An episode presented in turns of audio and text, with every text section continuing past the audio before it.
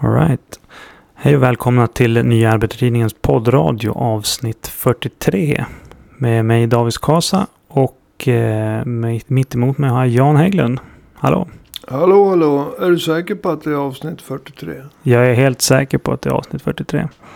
Mm. Vet du, jag har kollat upp det den här gången. Jaha, okej, okay, okej. Okay. Mm. Man lär av sina misstag. Ja, precis, precis. Nej, men det är nummer 43 den här gången. Och eh, ja, vi ska ju fortsätta våran eh, serie här om eh, handlingsprogram mot coronakrisen. Mm. Som vi inledde förra gången. Och vi har ju... Ja, hur många delar kan det bli? Det kan väl bli minst en, kanske två delar till efter det här. Absolut. Men förra, förra veckan då pratade vi ju om behovet av att permanenta eh, de punktvisa upprustning som har skett inom sjukvård och äldreomsorg och andra omsorger nu. Jag tror du skulle säga permanenta coronaviruset. Nej men det var ju så här att vi skulle omvandla de punktvisa upprustningarna till generella satsningar Just på sjukvården. Precis, precis. Och vi pratar ju också om eh, de nedskärningar som just nu ligger i en rad landsting. Eller regioner heter det. Det stämmer. Vad var det? Det var eh, väldigt massa. Det var så här att eh, i 17 av Sveriges 21 regioner, tidigare landsting, så har man planerat att göra nedskärningar. Just det. Jag vet inte hur många som är beslutade och hur många som är planerade. Men i 17 av 21 och Sverige har 21 mm. regioner. Så har man alltså tänkt fortsätta nedskärningspolitiken som har varit i årtionden. Och om vi tar till exempel Stockholm som är störst. Ja. Så har man redan beslutat att skära ner 1,1 miljard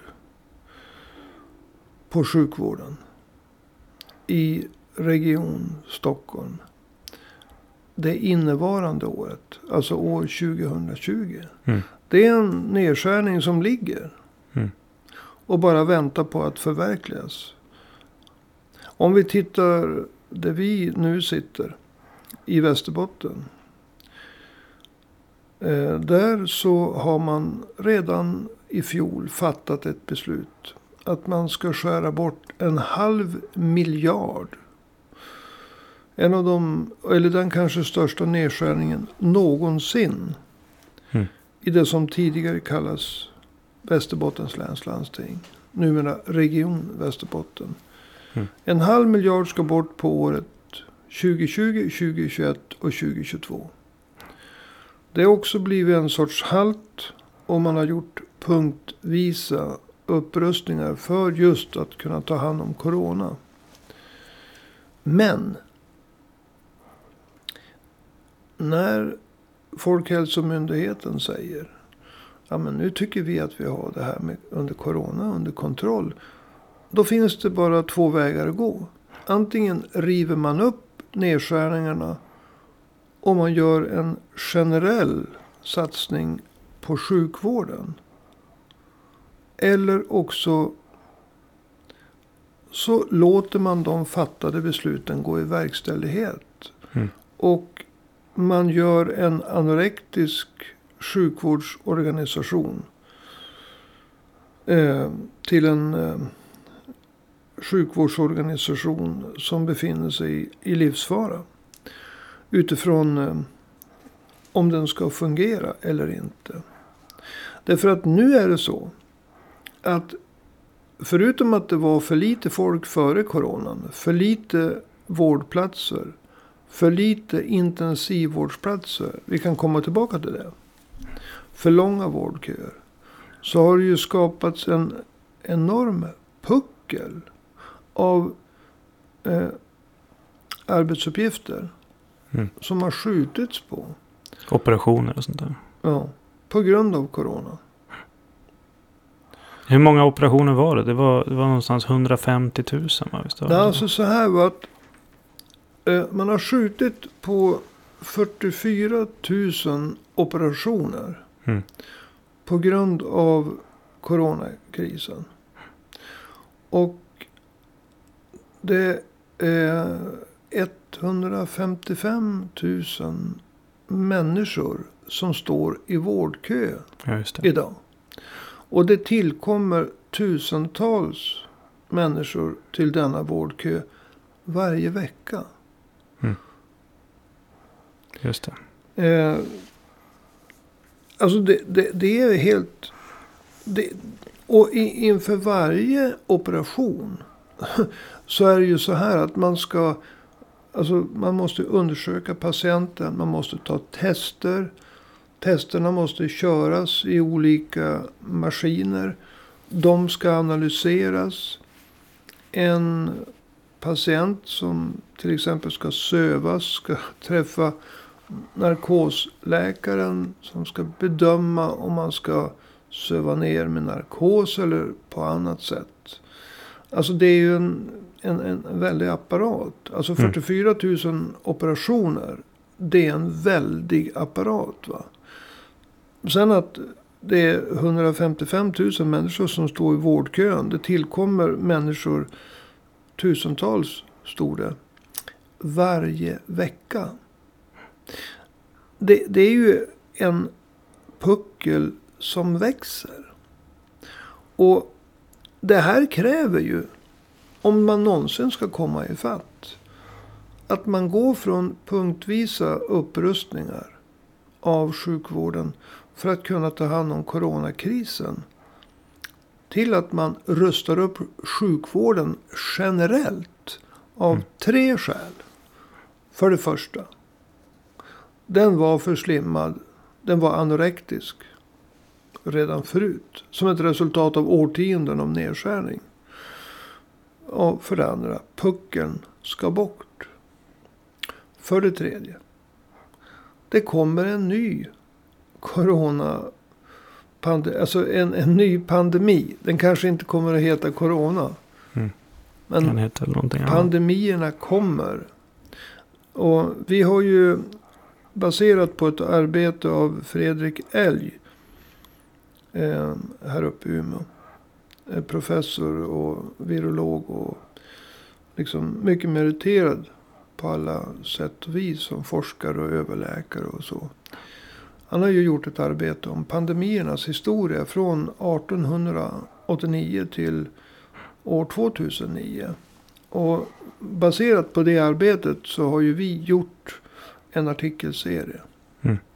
Och då visar det sig att pandemierna, de är inte någonting som, oj, kommer en pandemi? Det var oförutsägbart. Pandemier kommer. Mm. Och med all sannolikhet på grund av att eh, flygresorna numera Eh, Det var 2018. 1,8 miljarder människor flög internationellt. När spanska sjukan kom. Då fanns det 1,8 miljarder människor i världen tror jag. Ja. Efter denna eh, repetition. Så jag tänkte vi ska gå in. Vi, vi pratade om de här sakerna förra gången. Vi ska gå in på lite ytterligare. eh, Vad ska man säga? Krav eller frågor som har med folkhälsan att göra. Eh, så att vi uttömmer frågan som har med folkhälsan att göra. Så att vi i nästa avsnitt kan gå in på det ekonomiska. Alltså uttömmer och uttömmer. Va? Vi kan ju be- Så långt vi kan. Så vi långt kan, vi kan. Alltså, vi kan ju bearbeta puckeln så att säga. Precis. Nej, men en av de stora frågorna idag det är ju vaccinfrågan. Hela världen ropar efter ett vaccin.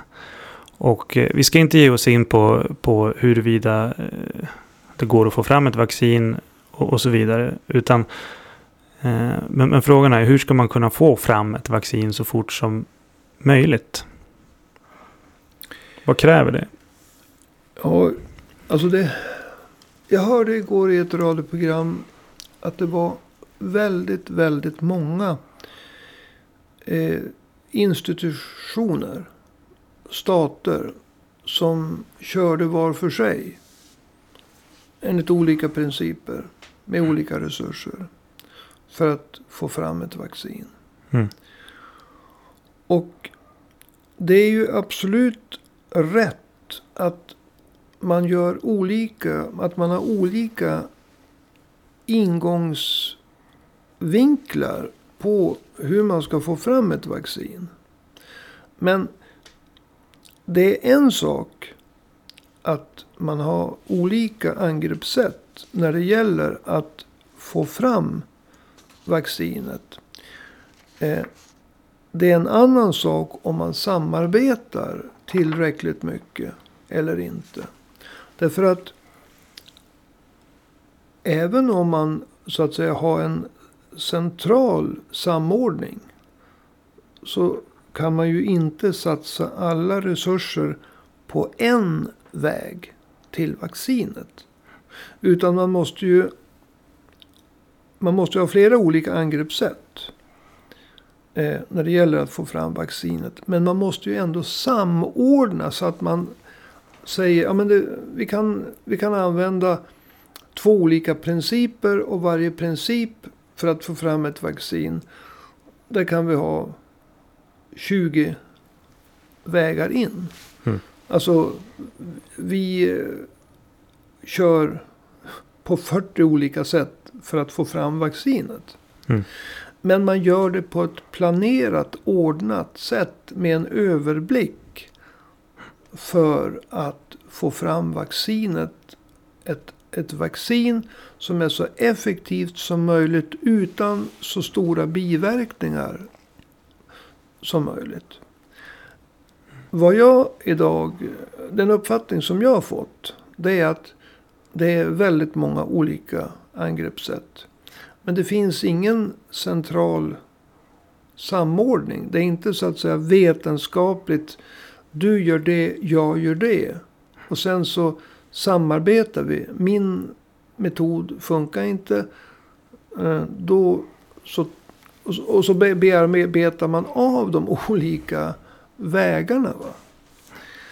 Jag ska inte gå in och nämna en massa fina namn. Som mall och, och sånt. Mall som är modell. Mm. Ja. Eh, de nämnde många fina namn i, i det här programmet jag hörde igår. Men vad jag förstår så är det ju att det finns ingen samordning. Utan det är mer av, av samarbete eh, kring att ta fram coronaviruset. Än vad jag har uppfattat att det har varit vanligtvis i motsvarande situationer. Jo. Men det är fortfarande en konkurrens. Ja.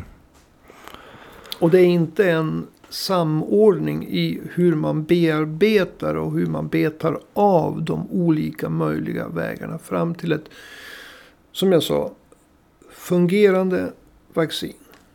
Mm. Alltså rejält fungerande. Och då menar jag att man är immun. Ordentligt immun. Inte bara delvis immun. Och för en lång, lång tid. Mm. Och med minimalt av biverkningar.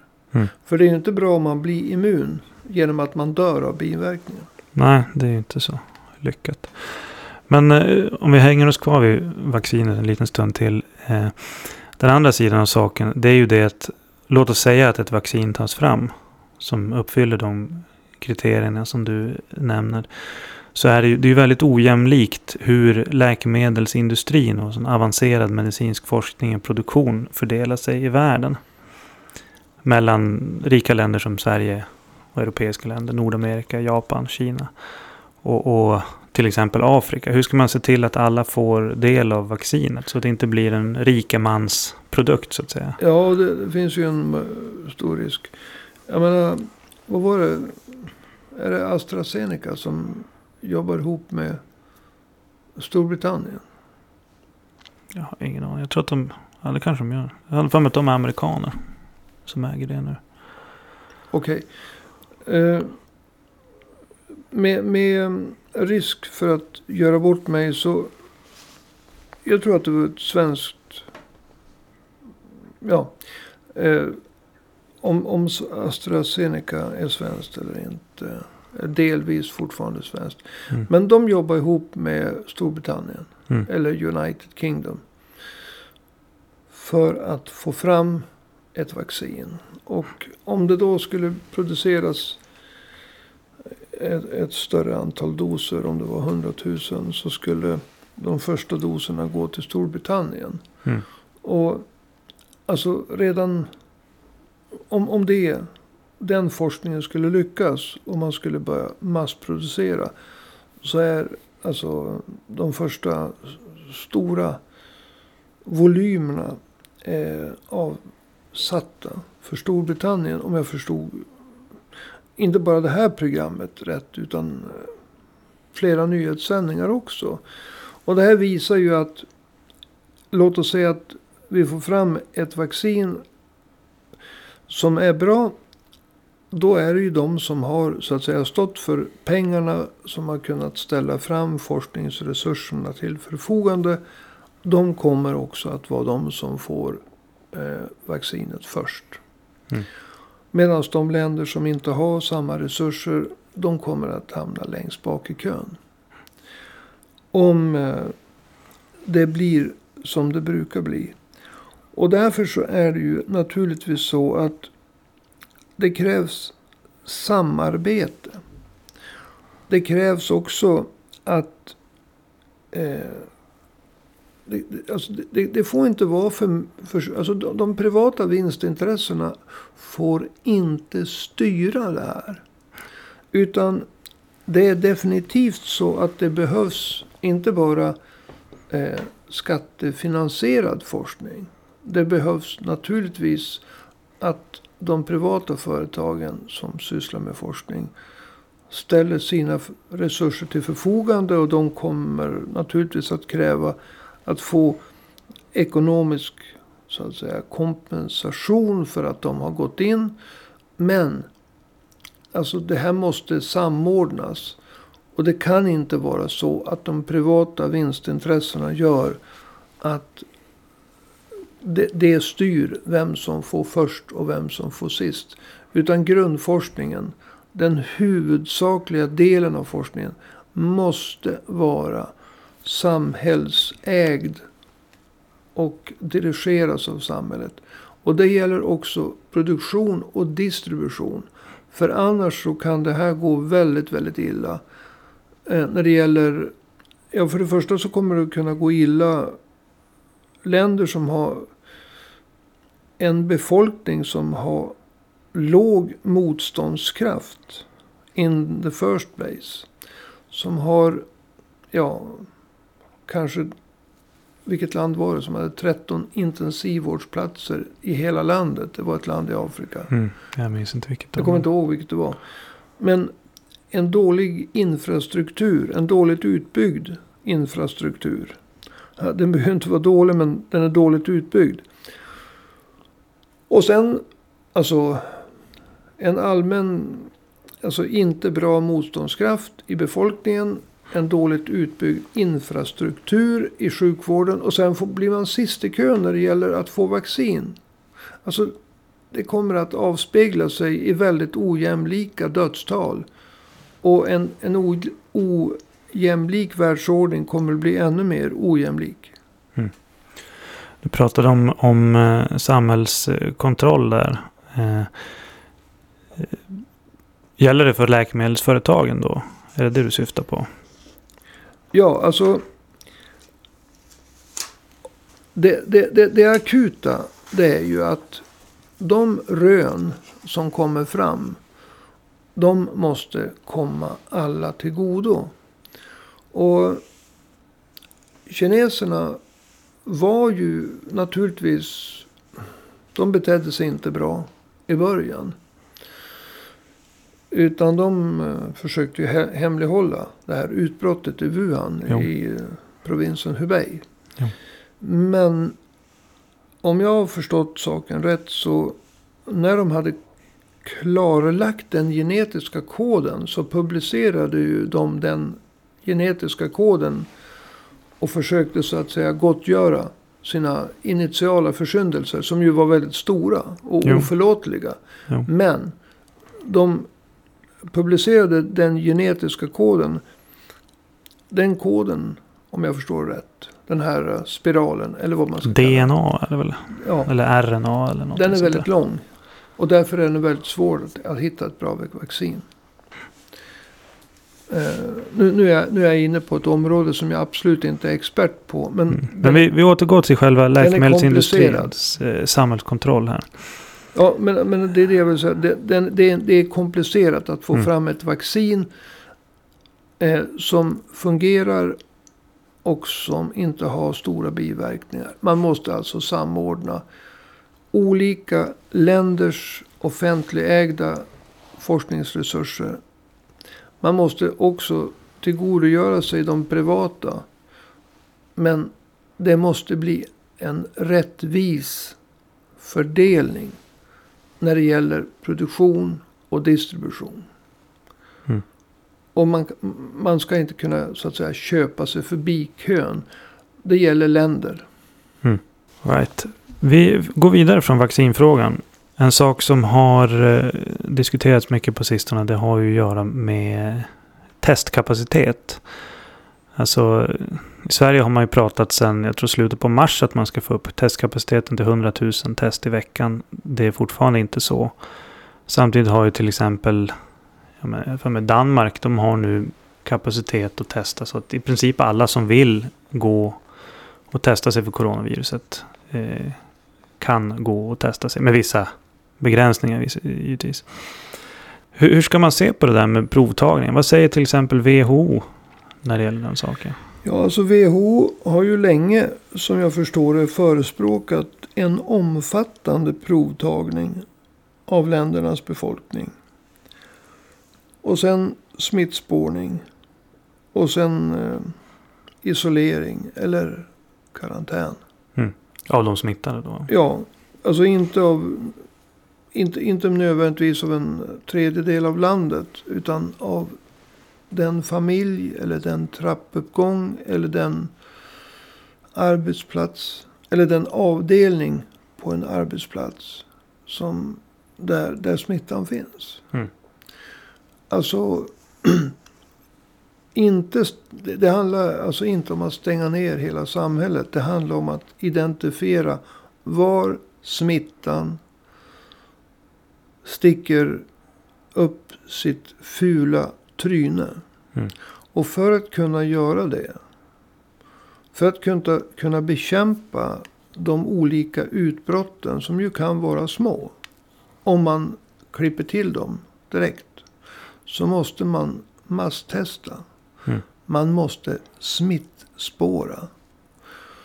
Man måste använda de nödvändiga metoderna för att smittspåra. Och sen måste man isolera eller sätta i karantän. Jag vet inte riktigt vars, vad det är för skillnad mellan att isolera och sätta i karantän. Karantän kanske man kan sätta sig själv i frivilligt. Jag tror att det är det att man blir isolerad. Då är det individer eller familjer och karantän. Då är det hela ja, men en stadsdel eller ett visst område. Ja, hur som helst. I don't know. Men man, någon, man, det, man ska inte kunna smitt, föra smittan vidare. ja, poängen är så att när man har hittat de som är smittade då ska de inte få sprida den vidare Nej, till andra. Och det här är ju vad WHO har förespråkat länge. Och det här är vad Sydkorea gjorde. Mm. Och Sydkorea använder ju inte samma auktoritära metoder som Kina. Mm. Men de lyckades på ett mycket, mycket effektivt sätt få stopp på smittan.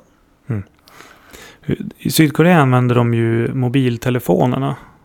För Ja. att kunna spåra folk. Vad tycker du om det? Det finns ju de som pratar om att det har med integritetskränkande och sånt där att göra. Ja, alltså man måste ju, man måste ju skilja på om det handlar om att journaler, sjukvårdsjournaler kommer på fel, alltså plötsligt ligger offentliga på nätet. Det är ju fruktansvärt. Eller det, det som alla affärer, affärskedjor kartlägger ens liksom, inköpsvanor. För att kunna skräddarsy annonser och eh, olika typer av erbjudanden. Jag menar själv så är jag ju intresserad av saker som har med styrketräningen att göra. Jag har också läst mycket om andra världskriget. Mm. Och då beställer jag en del på nätet. Och hux flux så översvämmas jag ju av skräddarsydda annonser. Mm. Och det där är ju integritetskränkande. Ja. Alltså jag vill ju kunna köpa en bok som handlar om styrketräning. Eller om han handlar om till exempel slaget om Stalingrad under andra världskriget. Utan att översvämmas av sådana annonser. Va? Och det är, tycker jag är fel och integritetskränkande. Men när det gäller smittspårning. Det handlar ju bokstavligen om liv eller död. Och inte få.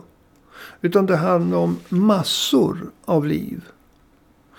Och då anser jag att vi måste, vi, alltså i det här partiet, eh, vi, vi Mm. som ger ut vår tidning. Men jag- anser att vi i Sverige och vi i, i, i andra länder. Alltså vi måste acceptera smittspårning via mobiltelefonen Mm. i det här eh, sammanhanget. För att det är tre led. Masstestning, smittspårning, isolera eller karantän. Just det. Och om ett, ett av de här leden fallerar, då kommer det ju inte funka. In, Nej. inget led. Nej, precis. Men eh, vi ska ta och byta ämne lite grann. Samtidigt har vi på ett sätt redan varit inne på det. Det handlar ju om hur ska vi göra för att förbereda oss för nästa pandemi? Ja, det är en bra fråga. Därför att, som vi har sagt förut, alltså de moderna pandemierna. De, vi, vi har ju skrivit en, en bloggserie om dem. Alltså ryska snuvan 1889. Spanska sjukan 1918. Hongkong, asiaten 1957. Hongkongsnuvan 1968. Och sen svininfluensan 2009. Sen har det funnits mindre utbrott. Fågelinfluensan eh, och så det. Sars. Så att det, det kommer en, en nästa pandemi. Det är, det, är bara, det är inte fråga om om. Det är fråga om när. Och eh, alltså. Det, det krävs ju att vi har beredskapslagren. I samband med att Sverige tömde eh, värnplikten på innehåll genom att sluta och kalla in unga män, det var ju män, eh, till eh, värnplikt. Så avvecklades ju också beredskapslagren. Och då kan man jämföra med Finland som har 1300 läkemedel. De har livsmedel, de har olja för tre till nio månaders förbrukning tror jag. Jag tar det rakt i huvudet. Mm. Så att vi måste återuppbygga beredskapslagren. Och vi måste ha en sorts central planering av, av hur resurserna ska fördelas. Alltså det handlar om alltså, att en rad företag måste ha en för... De måste vara beredda på att öka sin produktion. Och det gäller för både mer och mindre avancerad utrustning. Jag tänker på respiratorer, provtagnings och analysmaterial, läkemedel, inte minst penicillin. Det gäller andningsmasker, det gäller skyddskläder till sjukvård och till äldreomsorg och andra omsorger. Eh, det gäller planering för allt som lindrar effekterna av en pandemi. Och ehm, det, det gäller att, att eh, kunna öka produktionen för att minska antalet smittade som avlider eller som får allvarliga framtida men. Och det kommer att kräva mycket övertid Och, och därför måste man också redan på ett tidigt stadium liksom tala sig samman med de anställda och de fackliga organisationerna. De fackliga organisationerna är ytterst centrala. Eh, om, om man tänker sig en situation där samhället har en planering, har resurser. Att, att, de, att det finns rediga avtal. Man kan inte starta en avtalsrörelse för extra övertid mitt i en pandemi. Det måste vara, mm. det måste vara så att säga förhandlat redan. Mm. Och man måste ge de anställda, de fackliga organisationerna stor frihet att hantera frågan inom ramen för vad man har kommit överens om. Mm. Alltså det finns en beredskapslager, en central planering. Den måste involvera alltså både läkemedel, maskineri och, eh, och, och de anställda framför allt. Det är mm. de anställda som är den slutliga optimala resursen. Ja, om vi, men om vi pratar om de anställda. Det blir lite grann till att gå tillbaka till där vi började. När det gäller förberedelser för, för framtida pandemier. Vi har pratat om att det behövs fler anställda, fler vårdplatser. Behövs någon förändring i arbetsorganisationerna till exempel? Ja, alltså, jag, jag har i andra sammanhang pratat om det stora sjukvårds och omsorgslyftet. Mm. Och det är ju att nu går det väldigt många människor går ut i arbetslöshet, i permittering eller de blev uppsagda.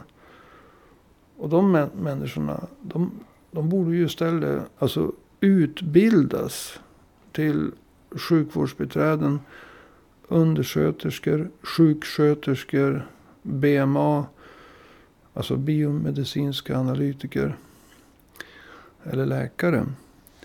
Och eh, det, alltså från privat till arbetslöshet eller från arbetslöshet till att utbilda sig till sjukvårdspersonal för en allmän upprustning av sjukvården. Med tanke på att det inte är om, utan det är när nästa pandemi kommer. Och med tanke på att det är 44 000 operationer som är inställda. Med tanke på att det är 155 000 människor som står i vårdköer och tusentals tillkommer varje vecka. Så behöver vi det stora sjukvårds och omsorgslyftet. Där, de där arbetslösa blir utbildade till sjukvården. Va? Mm. Och i samband med det så måste vi göra upp med timanställningarna. Därför att det är helt uppenbart att vara en stor anledning till att Sverige har strax under 4 000 döda. Det är hur smittan har tagit sig in på olika former av äldreboenden. Ja.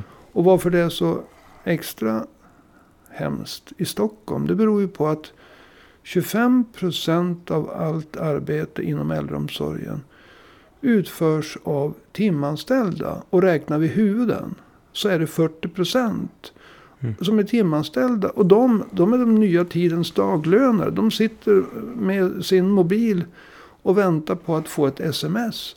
Och de har, varken, de har inte råd rent ekonomiskt att säga nej. Även om de är sjuka. Och de har mm. inte heller råd i förhållande till arbetsgivaren att säga nej. För då kanske de inte blir uppringda nästa gång. Så vi måste göra oss av med den här formen av nya daglönare. Vi måste mm. ersätta timanställda med eh, visstidsanställningar. Och, och, och, människor som är sjuka måste ha rätt att vara sjuka. Mm. Dels för sin egen skull och dels för att inte smitta äldre. Så att de äldre dör. Det för skillnaden mellan Stockholm och många andra ställen. Det är just de, att de har sån oacceptabelt stor del av jobbet inom äldreomsorgen utförs av timanställda som inte kan säga nej. Har inte har råd att mm. säga nej. Det gäller pengar. Det gäller att bli uppringd igen. Mm. Utringd igen. Det var ju, jag tror att i Göteborg och Malmö hade de räknat ut det var ungefär 10 procent. Ja, och St Stockholm är riktigt en, en sorts uh, skjutbana, övningsplan för nyliberal politik. Ja. Och det, där är, det är ju inte ens en riktig anställningsform. Alltså, den finns ju inte i något avtal med Kommunal. Kommer du ihåg det? Vi, vi, vi kollar ju på det. Intermittent anställning heter det också. Ja. Det där är någonting som facket bara har liksom släppt fram. Ja. Och som Så- missbrukas kapitalt. Och en skugga fa- faller på facket också. Mm. Eh, Det finns eh, många räkningar som ska göras upp när vi börjar sortera eh, erfarenheterna av coronan. Jo. Det är många som Ja. ska ställas inför rätten. Alltså det kanske inte blir en juridisk rättegång. Men det ska i alla fall bli en publik rättegång. Man brukar säga på engelska. The court of public opinion. That's what we're gonna have. Mm. All right. Men medan vi ändå håller på här och... And we're gonna pass harsh judgments. Yeah. Men när vi ändå pratar engelska så... Do you have any final famous words? Ja, det har Famous last words heter det. Famous last version. Ja, jag har inte fått corona än. Nej, precis. Och jag är inte så gammal. Och jag har inga underliggande sjukdomar. Mm. Så jag kommer att Vi vara ska se till kvar. att du inte får corona ändå. Jag kommer att vara kvar till avsnitt 267. När vi pratar om arvodena. Mm. Och Du kommer ihåg det där? I do. Jag är inte senil heller. Men det är så här att för, för att kunna kanalisera kapitalströmmarna i samhället. Så att de inte går till att upprätthålla döende eller strukturer i samhället som ändå är på tillbakagång. Alltså att hålla människor i arbetslöshet. Utan istället kanalisera pengarna. Eh, dels till det stora, liksom ett massutbildning av folk som är arbetslösa. Så att de kan komma in i sjukvård och omsorger. Men också om man, om man tänker sig andra stora arbetsproblem. Eller stora problem, samhällsproblem, globala problem. Som till exempel uppvärmningen av, av klimatet. Så måste vi kunna kanalisera stora kapitalströmmar åt rätt håll. Och då måste vi liksom diskutera bankernas roll. Både i den nuvarande ekonomiska sidan av pandemikrisen. Därför att den har ju en gigantisk ekonomisk sida. Där USA eh, efter, enligt deras centralbankschef kommer att få lika många troligtvis arbetslösa som under den stora depressionen på 30-talet. Och så vi har alltså den, den delen av coronakrisen som i förlängningen kanske kommer att kosta lika många människor livet som själva viruset. Och vi har också, när vi pratar banker och, och kanalisering av kapital, så har vi ja, klimatuppvärmningen. Och vi har behov av industriell produktion. Men vi måste också, också lära oss av de misstag som eh, vi, mänskligheten har begått. Som både skapar pandemier. Eller i alla alla fall delaktiga i att skapa pandemier. Alltså när Exploatering av naturen. Exploateringen av naturen ökar både risken för pandemier och har att göra med klimatuppvärmningen. Så vi måste producera, vi måste ha industriell produktion. Men vi måste ha en grön industriell produktion. Och det betyder att vi måste ha en uthållighet och styrning när det gäller investeringarna. Och jag vill återkomma till det här. Därför att pandemin är en utgångspunkt för så många andra frågor. Det är den största kris som den här globen har varit utsatt för sedan slutet på andra världskriget. Vi har varit nära kärnvapenkrig men de har som tur är inte brutit ut. Men den här krisen är den värsta. Och därför måste vi prata. Vi börjar i vad man kan tycka är små saker. som övertidsersättningar och anställningsformer. Men, men de är enormt stora för de människor som dör på grund av att det är fel anställningsformer. Sen måste vi röra oss hela skalan upp till kontrollen av ekonomin, investeringarna, eh, ja, orsaken till pandemier, orsaker till klimatuppvärmningen. Och hur vi garanterar en långsiktig produktion. Och de sakerna vill jag, och vi måste komma tillbaka till dem. That's my final words, not last words. Precis, final words, inte famous last words. Ja. Famous final words. Ja. Yeah. Alright, men du, eh, tack ska du ha. Ja. För idag. Du kan ju tacka. Mm. När jag får arvode ska jag tacka. Ja, ja men det blir ju avsnitt 267. Det är ju, mm. vad blir det? 220... 224 avsnitt va, kvar. Ja, du kan räkna. Ja. Så att... Eh, det är många fler arvodeslösa inspelningar. Mm. Nåväl, du, tack för idag. Ja, tack för idag. Eh, uppmärksamma lyssnare har ju hört eh, Janne nämna ett par gånger här en eh, serie om eh, pandemier under 120 år. kan man läsa på arbetartidningen.se. kan man även ta en prenumeration på nya arbetartidningen. Kostar bara 30 kronor i månaden. Det tycker jag att man ska göra. Sen så tycker du att podden är bra så borde du givetvis skicka ett bidrag via Swish. Vårt nummer är 123 504 7105. Alltså 123 504 7105. Och eh, det är ju inget bidrag som är för stort alltså. Så att eh, om du bara sitter på 10 000 spänn som du vill bli av med. Så vet du vart du kan investera dem i en bra podd. Och eh, med det så tackar för idag. Så hörs vi igen nästa vecka. Hej hej!